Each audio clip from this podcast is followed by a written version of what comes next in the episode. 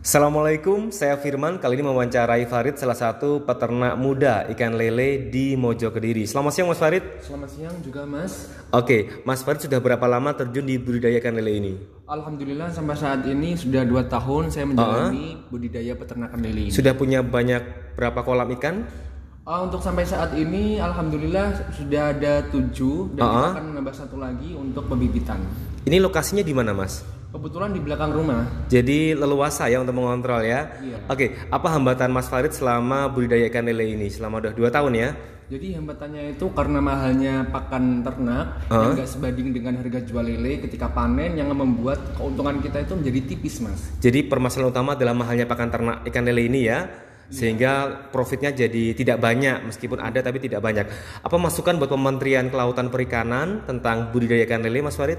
Jadi harapan saya terhadap pemerintah, terutama terhadap Kementerian Kelautan dan Perikanan, supaya memberikan subsidi terutama di bahan pakan pelet untuk kita agar uh, kita tetap bisa mempunyai profit yang uh, apa namanya? Yang banyak gitu ya. banyak gitu ya. Uh, iya. Baik, Mas Farid uh, saran seperti itu dan bagaimana upaya Mas Farid menjaga semangatnya di tengah pandemi seperti ini? Jadi upaya saya itu adalah melihat kondisi yang saat ini sangat sulit mencari pekerjaan, Mas. Ah, Jadi saya harus fokus mengingat eh, apa namanya sangat sulit mencari kerjaan dan saya harapkan pekerjaan saya kali ini bisa membuka lapangan kerja bagi teman-teman yang lain. jadi fokus berwirausaha ya dengan budidaya ikan lele ini. Jadi uh, lokasi di rumah Mas ya, Iya. sudah pu- punya banyak punya berapa karyawan? Alhamdulillah sampai saat ini udah punya dua. Ah, jadi membantu Mas Farid sekali ya. Iya. Oke, Mas Farid kalau bicara masalah ke depan ya, harapannya buat milenial, sekarang kan banyak milenial yang tidak mau kerja di bidang perikanan. Gimana motivasi Mas Farid buat teman-teman yang ingin terjun di bidang ini?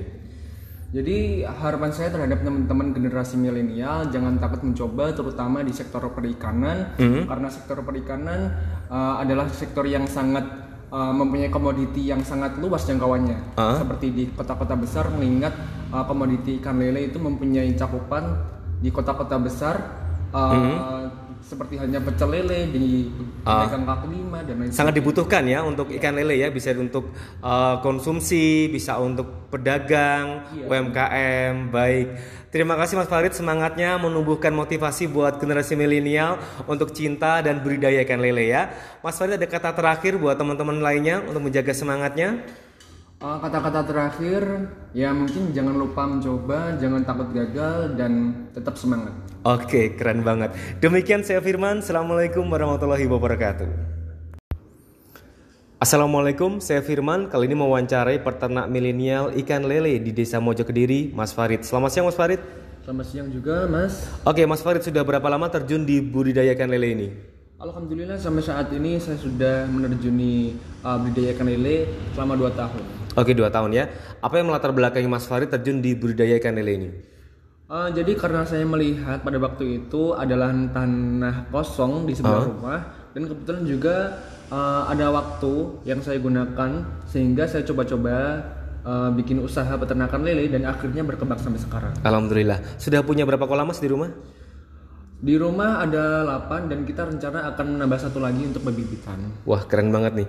Oke, Mas Farid selama dua tahun ini hambatan apa yang Anda rasakan sebagai peternak ikan lele? Jadi untuk hambatan itu mas, eh, hambatannya ya di mahalnya pakan ternak yang tidak sebanding dengan harga jual lele ketika panen, sehingga membuat keuntungan kita itu menjadi sangat tipis gitu. Jadi tingginya harga makan ternak ikan lele itu ya, sehingga membuat marginnya kecil ketika panen ikan lelenya. Iya benar-benar. Oke, hambatan lain mungkin Mas Farid?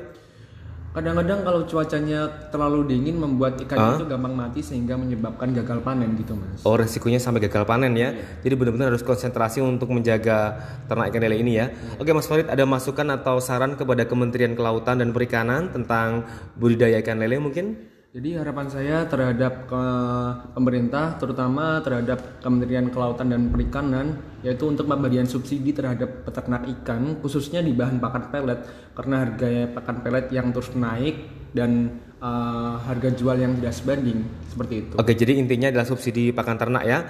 Oke, Mas Farid, gimana cara menjaga semangatnya Mas Farid untuk bertahan di tengah pandemi COVID-19 ini?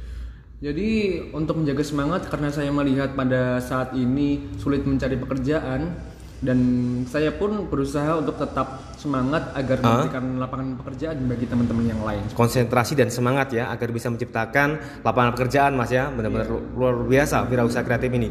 Oke Mas Farid, mungkin pesan buat milenial agar mau terjun ke bidang peternakan ikan, jarang-jarang anak muda mau terjun ya.